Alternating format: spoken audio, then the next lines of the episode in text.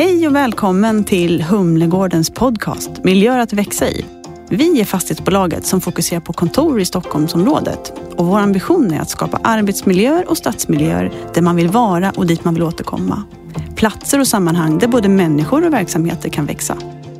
I vår podcast samlar vi spännande gäster till intressanta samtal om frågor som vi brinner för, som kontoret, arbetslivet och stadsutveckling. I detta avsnitt gästas podden av Humlegårdens VD Anneli Jansson och affärsutvecklingschef Anna Kullendorf. Vi har även det stora nöjet att välkomna Jonas Falk som är arkitekt och partner på Strategisk arkitektur. Jonas vet allt som är värt att veta om hur man utformar en arbetsplats och han står också bakom en krönika om kontorets roll som blev en riktig klickraket i höstas. Och jag som leder samtalet, jag heter Madeleine Kastenvik Holt. Välkomna till Miljöer att växa i. Nu kör vi!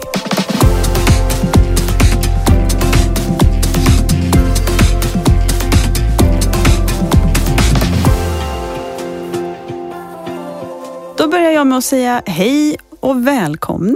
Tack så mycket. Tack, tack. Kul att ha er här.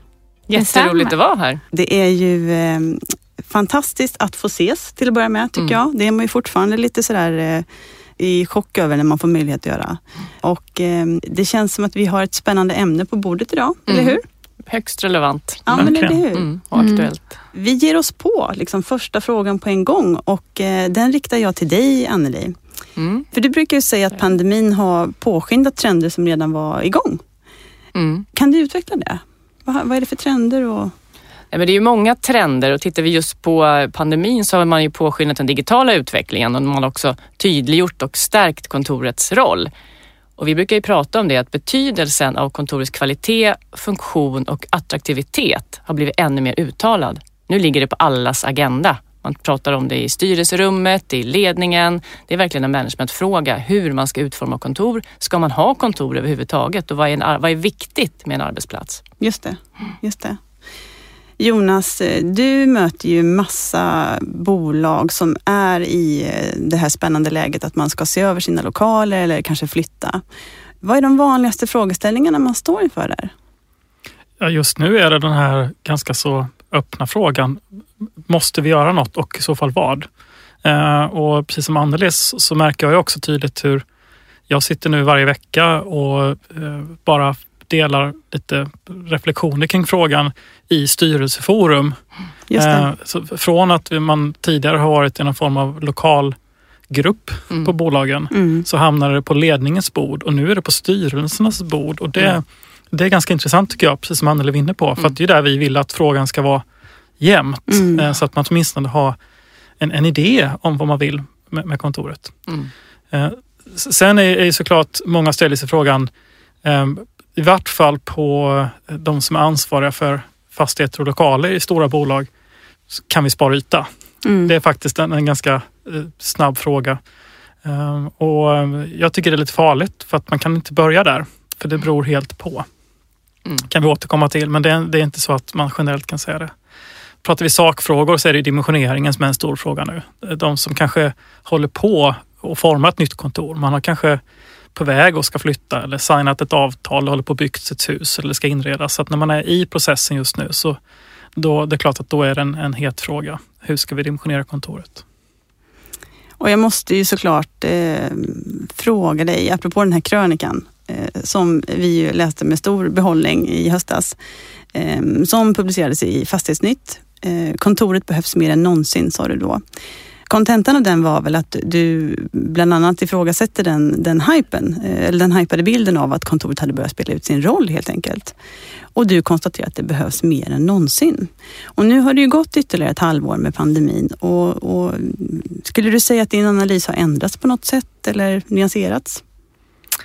Ehm, ja, jag skulle väl nog säga att det har säkert kommit fler lager på det där, men, men jag håller fortfarande absolut fast vid att kontoret är viktigare än någonsin. Eller kontorets eh, betydelse är viktigare än, än någonsin. Och eh, jag både då och nu tycker väl att eh, det är lite valpigt nu det här att, att alla springer åt alla håll och man ska komma ihåg att det är många som faktiskt vill att det ska vara en, en stor förändring för att det, är det man tjänar pengar på. Man vill att det ska hända grejer, man vill att folk ska göra nytt och göra om och allting. Och det. jag tror inte alls att det är så för de allra flesta kommer komma tillbaks till kontor som fungerar alldeles utmärkt. Eh, och så att det handlar väl mer om att, eh, också som Anneli var inne på, det är en pågående utveckling som har tagit några snabba kliv framåt och det, det skapar lite möjligheter och då behöver var och en bestämma sig vad man vill göra med de möjligheterna. Mm.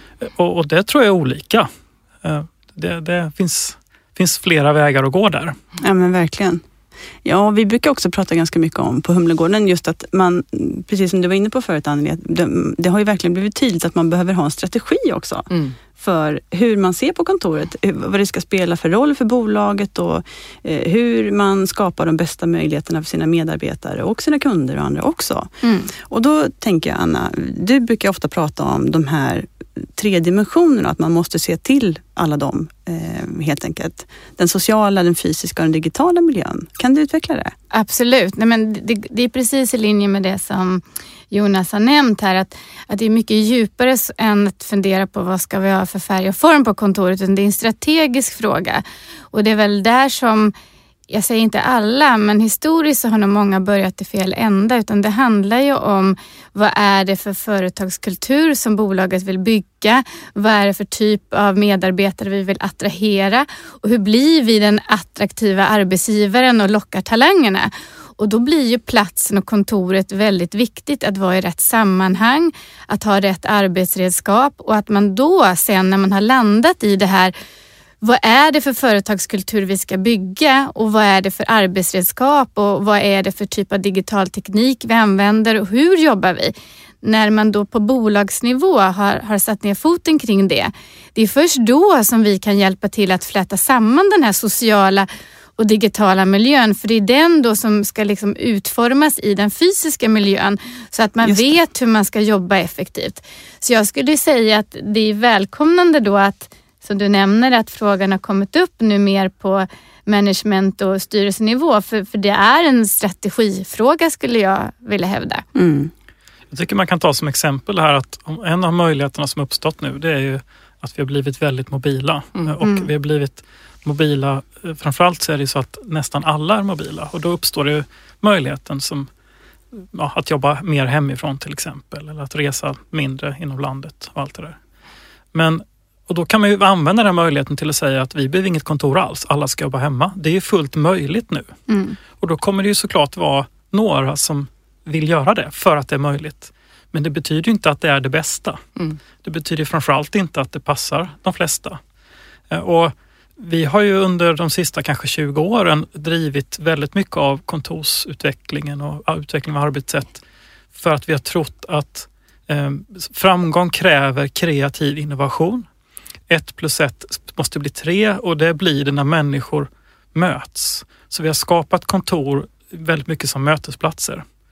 Och, och, då har vi pratat om allt det där som sker eh, som vi inte tänker på. De här fem minuterna före och efter mötena. Mm. När vi satt och tjattrade här ute innan den här Ja. inspelningen.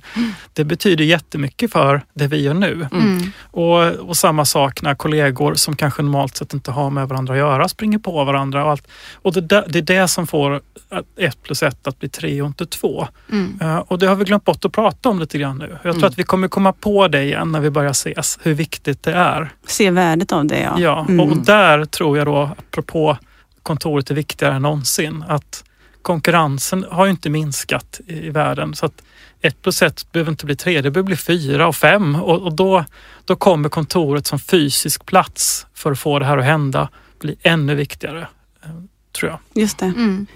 Anneli, vi pratade häromdagen också om eh, den här stora studien som Lisman gör varje år. Mm. Eller varje år, de har gjort den nu under, under eh, våren förra året i alla Mm. fall. Och eh, där var det väl så att eh, man rankade, eller man, man, de, de som svarade i undersökningen tyckte att individuellt fokuserat arbete hade funkat bra hemifrån. Mm. Men det som var mer tillsammansarbete tyckte man fungerade bättre på kontoret. Ja. Vad är din reflektion kring det? Vad tror du, är, svaret mer hemarbete? Nej men då tror jag, och lite grann precis som det Jonas var inne på, att det faktiskt är så att kontoret idag kanske inte stöttar det arbetssätt som vi har. Så vi måste faktiskt bli bättre på att utforma kontoren på rätt sätt. Mm. Eh, Så att även det här individuella arbetet som man faktiskt har, det är väl nästan mer än hälften av sin arbetstid i snitt är individuellt arbete. Och det måste fungera väl även på kontoret. Du måste kunna sitta själv, du måste kunna sitta helt fokuserat, du måste kunna sitta och ha ett digitalt videomöte och då behöver du rum. Många kontor, där har man då tagit bort mycket rum och småutrymmen och det här platsen där du kan känna att du kan sitta fokuserat. För hemma kan du faktiskt sitta i lugn och ro och du kan känna dig helt i fred Mm. någonstans. Ingen Och som det- kommer och knackar. Liksom. Nej, precis, förutom katten kanske kommer in. Men annars behöver du liksom kunna, kunna göra det på kontoret också. Och en arbetsdag består ju inte att den ena dagen först är möten och den andra dagen är individuellt arbete, utan det mixas ju. Och då måste kontoret stötta båda de delarna Verkligen. för varje dag. Och jag tror, precis som ni var inne på, att, att det är ännu viktigare nu, eh, både med kontorets utformning men också med platsen för att faktiskt attrahera tillbaka alla medarbetare och de man vill ha på, på kontoret. För nu handlar det om att de ska välja att vilja komma till kontoret och till sin arbetsplats. Och då krävs det ganska mycket.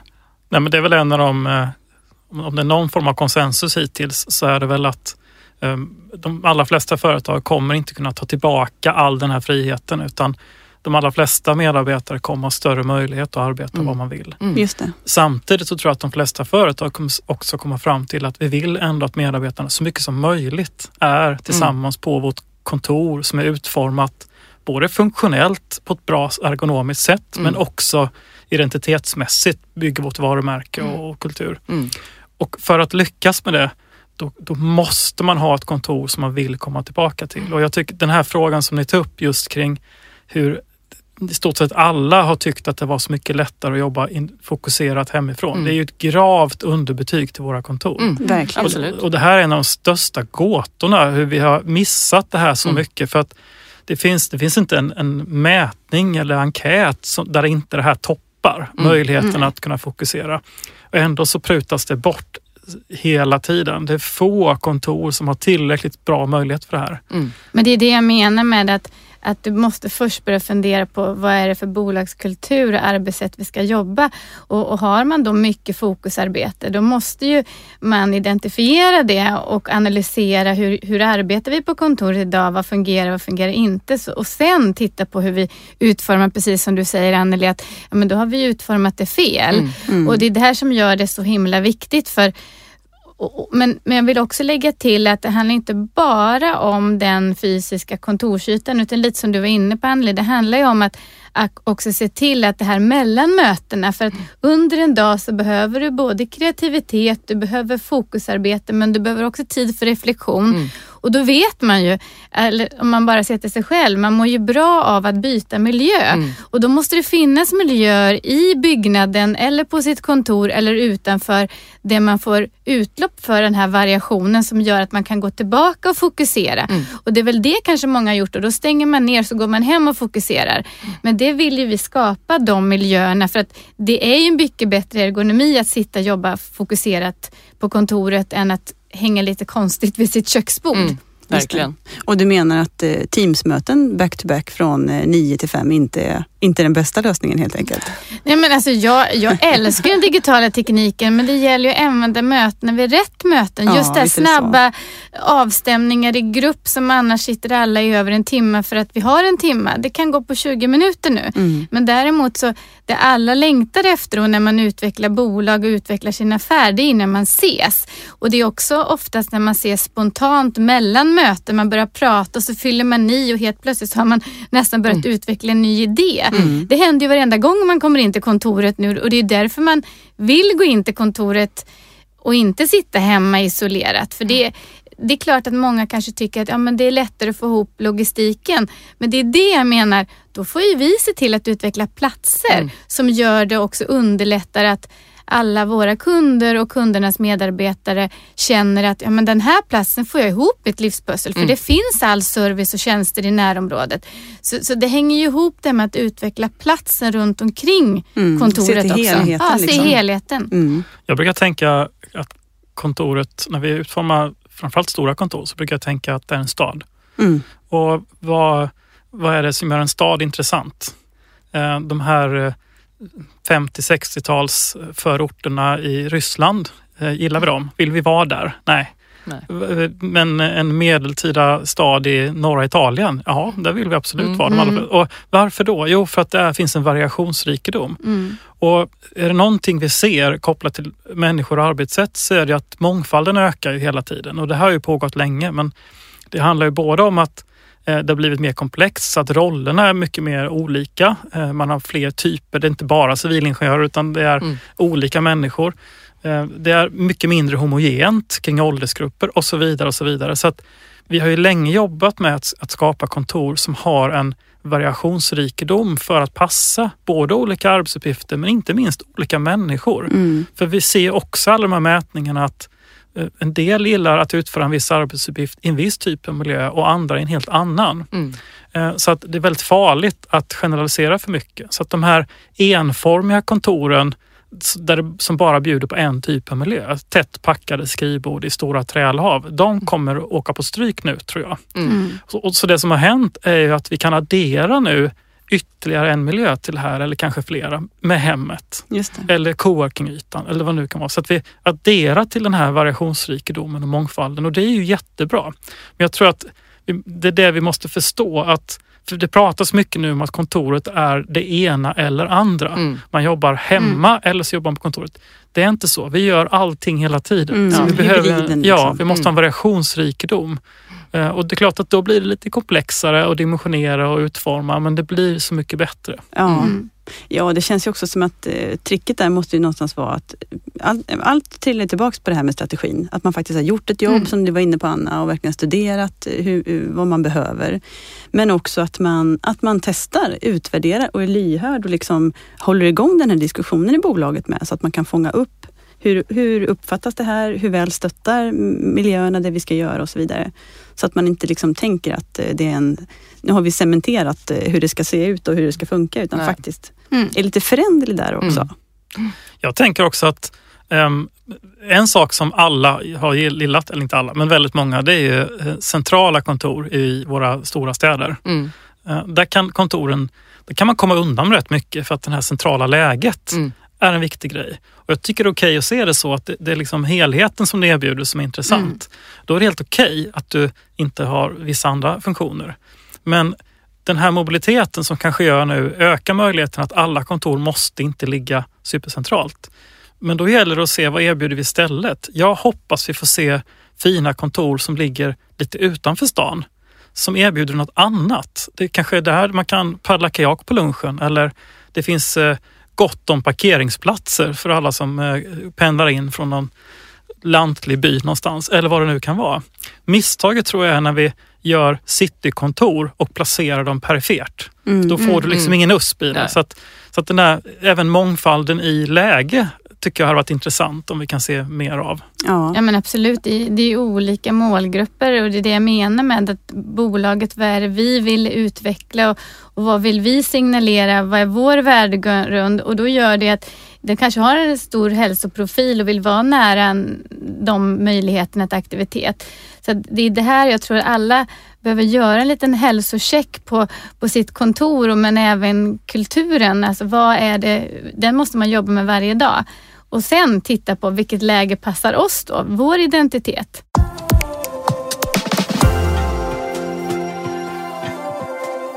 Jag tänker också Anneli, du träffar ju många av våra kunder eh, hela tiden. Vad, vad, vad säger de? Liksom? Vad är det för frågeställningar som snurrar runt där just nu?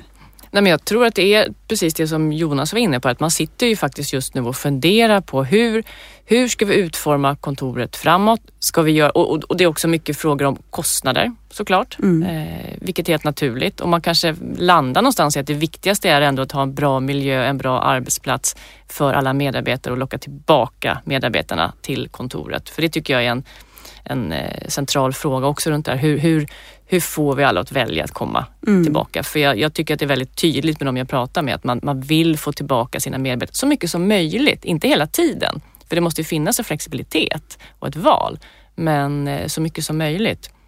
Ehm, Så jag tror att det är, och just det här med att man behöver hjälp nu någonstans med hur ska vi utforma på bästa sätt. Mm. Så där försöker vi ju stötta som fastighetsägare och, och göra med vad vi, vad vi kan för att ge råd. Det här är någonting vi har jobbat med länge Inte Ja, bara nu, det det har inte bara med pandemin att göra. Det här har vi jobbat med länge. Det är jätteroligt och det är superspännande. Och det kommer hela tiden vara någonting man arbetar med. Hur ska vi få den bästa eh, miljön, eh, platsen för kollegor, för att möta andra eh, branschkollegor från andra branscher. Hur, hur hittar vi den här dynamiska, häftiga staden på kontoret? Mm. Precis, och med den här sociala infrastrukturen Mm. som liksom också skapar värden. Ja, Mm. För det, jag tror verkligen det, precis som vi var inne på förut, att det här kaffeautomatspratet och det, det raljeras ju ofta att det är det man tar fram som liksom exempel på vad som, är, vad som är den stora fördelen med att ses. Men Mm. jag tror det ligger jättemycket i det. absolut. Och vem saknar inte det nu? Jag tycker ju fler jag pratar med känner verkligen att man, man längtar tillbaka. Och man känner som att man inte... Man, det är så många man inte har träffat på så länge. Mm. Och man vill höra vad som händer och hur mår alla? Vad, och, och då börjar man ju prata om andra saker också. Det kommer nya idéer, nya lösningar. Eh, vilket utvecklar företag och Mm. människor och kultur och varumärke. Visst är det så. Man kan ju bara själv reflektera över vad är det jag längtar tillbaka till. Mm. Och det första som folk säger tror jag det är ju kollegorna. Ja. Mm. Träffa andra människor, vara Mm. lite social igen, gå ut på lunchen och, Ja. och ha lite trevligt. Och så, så att okej, vad betyder det då? Ja Mm. men då måste vi ju ha en mötesplats där tillräckligt många är. För Mm. det är inte kul att åka in till ett öde kontor. Nej. Eh, sen rent så här gestaltningsmässigt, längtar jag tillbaka till stora vita undertak och gråa mattor? Nej, det gör jag ju inte. Du tror inte det? Nej, jag tror inte det. Utan eh, då, då vill jag kanske ha lugn och ro som jag har i hemmet. Mm. Det har ju varit jättebra. Okej, då behöver jag åstadkomma det på kontoret. Jag kanske vill ha den här sköna eh, hotell-lounge-känslan. Mm. Okej, vad Mm. betyder det? Mm. Eh, jag kanske vill ha kaféet där det luktar kanelbullar och Mm. gott kaffe. Och, och, så att jag tror ju att det är det där vi måste ta fasta vid. Det är inte målbilden, det gamla traditionella kontoret som kommer att locka folk till kontoret. Nej. Eh, Och det, det här är såklart en utmaning för oss, både arkitekter och ni som fastighetsutvecklare, hur vi, hur vi ska skapa det här. För Mm. det kräver ju oftast lite mer tankemöda och, eh, och, för att få till det. Mm. Men sen tänkte jag också på, apropå vad, vad kunderna efterfrågar nu.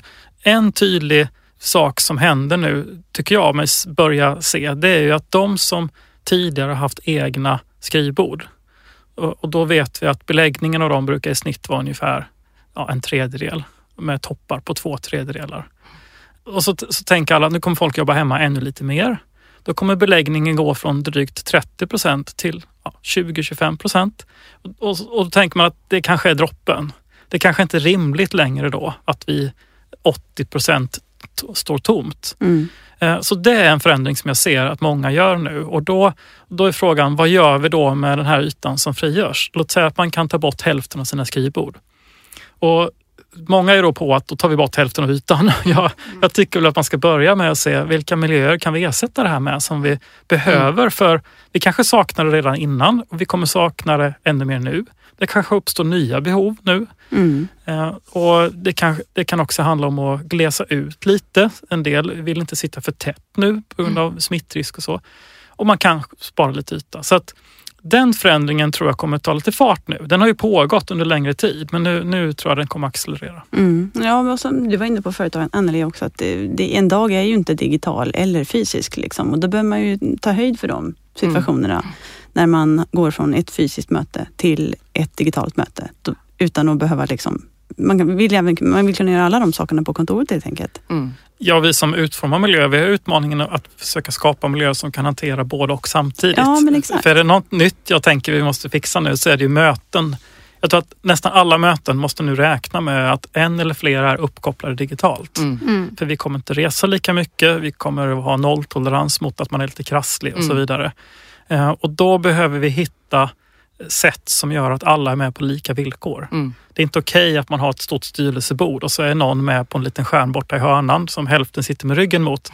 Utan det där måste vi lösa. Eh, Och det finns ju teknik men den, jag tror att det där behöver man jobba fram smartare grejer för. Ja, Men det, men det gör ju att förutom själva utformningen för att allt det här som du beskriver som efterfrågas så måste ju också det fungera. Och det innebär ju att, att vi vill ju också hjälpa våra kunder att gör, underlätta att de kan fokusera på sin affär. Och då krävs det att vi lägger till mer service och tjänster som, som gör att allt bara fungerar sömlöst för dem i den här kontoret eller kan också vara att vissa av de här funktionerna kan man dela i husen efter pandemin eller efter vi är vaccinerade. Så det gör ju att man behöver tänka om och men då behöver man ha landat i det först, att veta vad vi vill och inte bara börja göra om utan först landa i vilket behov har vi? Har vi behov av mycket kreativitet och möten? Kommer vi jobba mycket digitalt?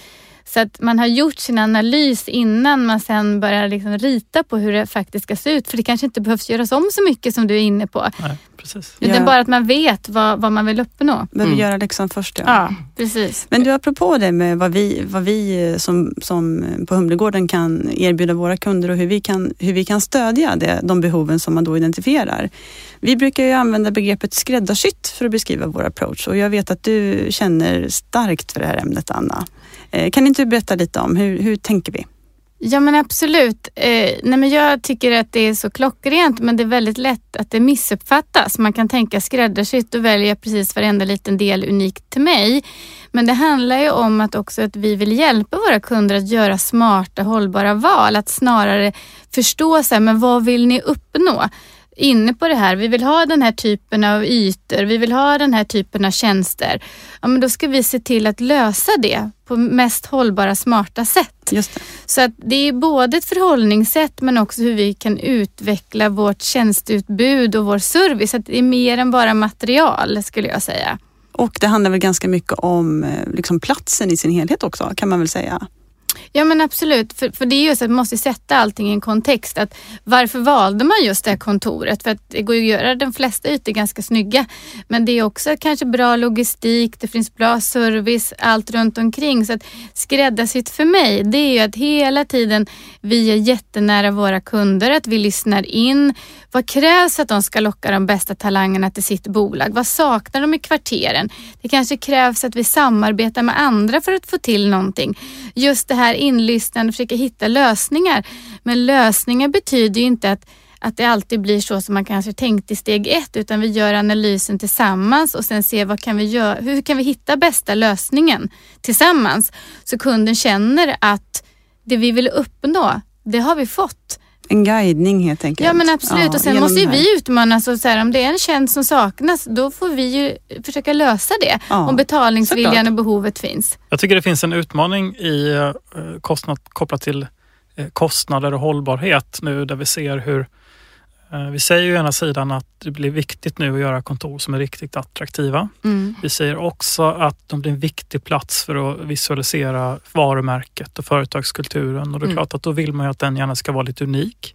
Mm. Eh, Samtidigt som vi pratar om att alla ledtider blir kortare. Företag förändras väldigt snabbt Mm. så att det är svårt för någon att teckna hyresavtal på 15 år kanske. Och då, det är klart att hur ska man då skräddarsy lokalerna för att uppnå de här grejerna Mm. men ändå inte behöva bygga om dem så mycket vart femte år. Eh, Och där tror jag vi behöver vara listiga tillsammans. Mm. Eh, Och, eh, jag brukar tänka att det finns ju saker som är svåra och dyra att ändra på och andra saker som är ganska lätta. Att flytta möbler är jättelätt. Mm. Att köpa lite nya möbler, ja det går också. Måla om en Må- vägg. Måla om en Ja. vägg, det vet man ju hemma, det går bra. Vi bygger inte om köket så ofta däremot. Det är lite jobbigare. Nej, så att, det drar man sig för. Ja, Mm. så att, och då tycker jag det kokar ner till att det, vi måste bli bättre på att eh, bygga och bygga om våra kontorshus inifrån och ut. Så att vi, vi måste tänka på vilka olika sätt ska det användas oavsett olika arbetssätt och olika trender. Mm. Eh, Och då handlar det om ganska grundläggande saker som eh, det är logistik och zonering och delbarhet och dagsljus och måttkedjor i fasader och pelarsystem och annat som styr väldigt mycket av det här. Nu blev du superteknisk här. Jag, jag vet, men, men man kan ju faktiskt ibland påverka de här grejerna. Men sen tänker jag också att jag, jag tror ju att det som du säger att snarare är det så att man kanske behöver mer yta för att kunna tillhandahålla alla de här olika miljöerna för att människan ska må bra under en arbetsdag.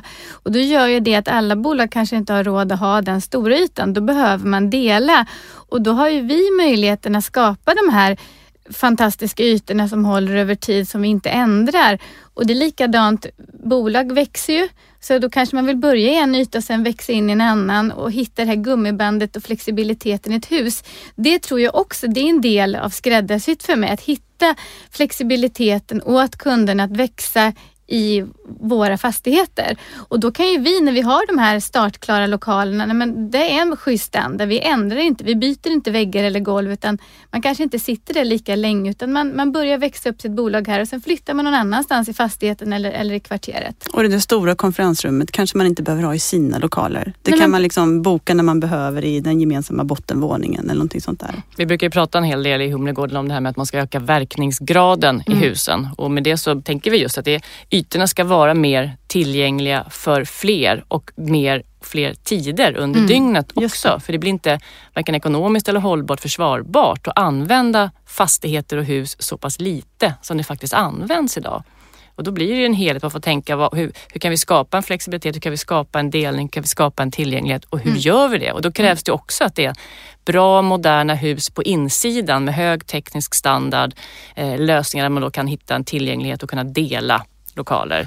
Här finns det en, en, en trend som jag tycker har pågått nu under 10-15 år där vi vill, vill öppna upp. Som företag vill vi ha en större interaktion med omvärlden. Mm. Och det finns ibland säkerhetsmässiga utmaningar med det här men det, är, men det är därför vi ser hur man ofta har ett café i lobbyn som är Mm. öppen för allmänheten. Eh, Stora företag, kanske ett konstgalleri eller man, man försöker på olika sätt få in folk. De här techbolagen har lounger med jädrigt bra wifi där man hoppas att Mm. de här talangerna ska sätta sig och sen så, ja, så rekryterar man dem. Och, Mm. och det där tycker jag är jätteintressant apropå det som både Anna och Anneli pratar om här. Att, att titta lite på det, att det kan vara ytor som är gemensamma. Och sen kanske det glider ihop med någon yta som är väldigt företagsunik där vi visualiserar verkligen vem vi är. Och sen så är ju ofta de största ytorna är ju då ganska generiska kontorsytor. Mm. Och de ska ju framförallt ha hög kvalitet för medarbetaren. Mm. Mm. Och den behöver oftast inte vara lika unik. För det, det är som medarbetare så är jag mer intresserad av att det ska vara trivsamt och ergonomiskt och så vidare än att jag får företagets logga i, i näsan hela tiden.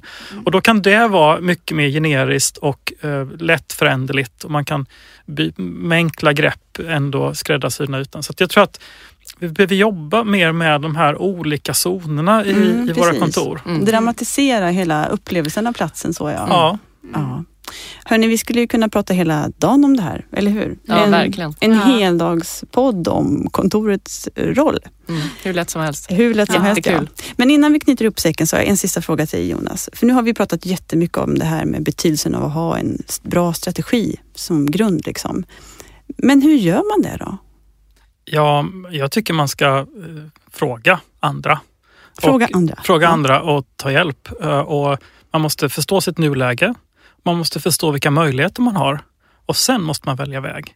Eh, Så att fråga andra, fråga sådana som oss, eh, fråga sådana som er.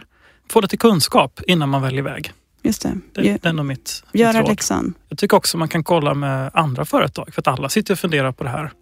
Eh, Och vi kopplar ofta ihop våra kunder med andra kunder för att då, då kan de höra hur de har tänkt. Mm. Eh, Hur hanterar ni de här svåra frågorna? Eller Ja. Vilka lösningar valde ni? Mm. Precis. Så ta hjälp. Bra. Bra slutord Jonas. Tack snälla ni. Jättetrevligt samtal och kul att se er. Tack så mycket. Tack så mycket. Jätteroligt. Stort tack till dig som har lyssnat. Jag hoppas att du gillade samtalet. Man kan konstatera att kontorets roll, det är verkligen en fråga som engagerar och det finns många frågeställningar att fundera över. Vi hoppas att vi kan både inspirera och bringa lite klarhet i vår podcast. Vill du veta mer? Kika in på vår hemsida humlegården.se.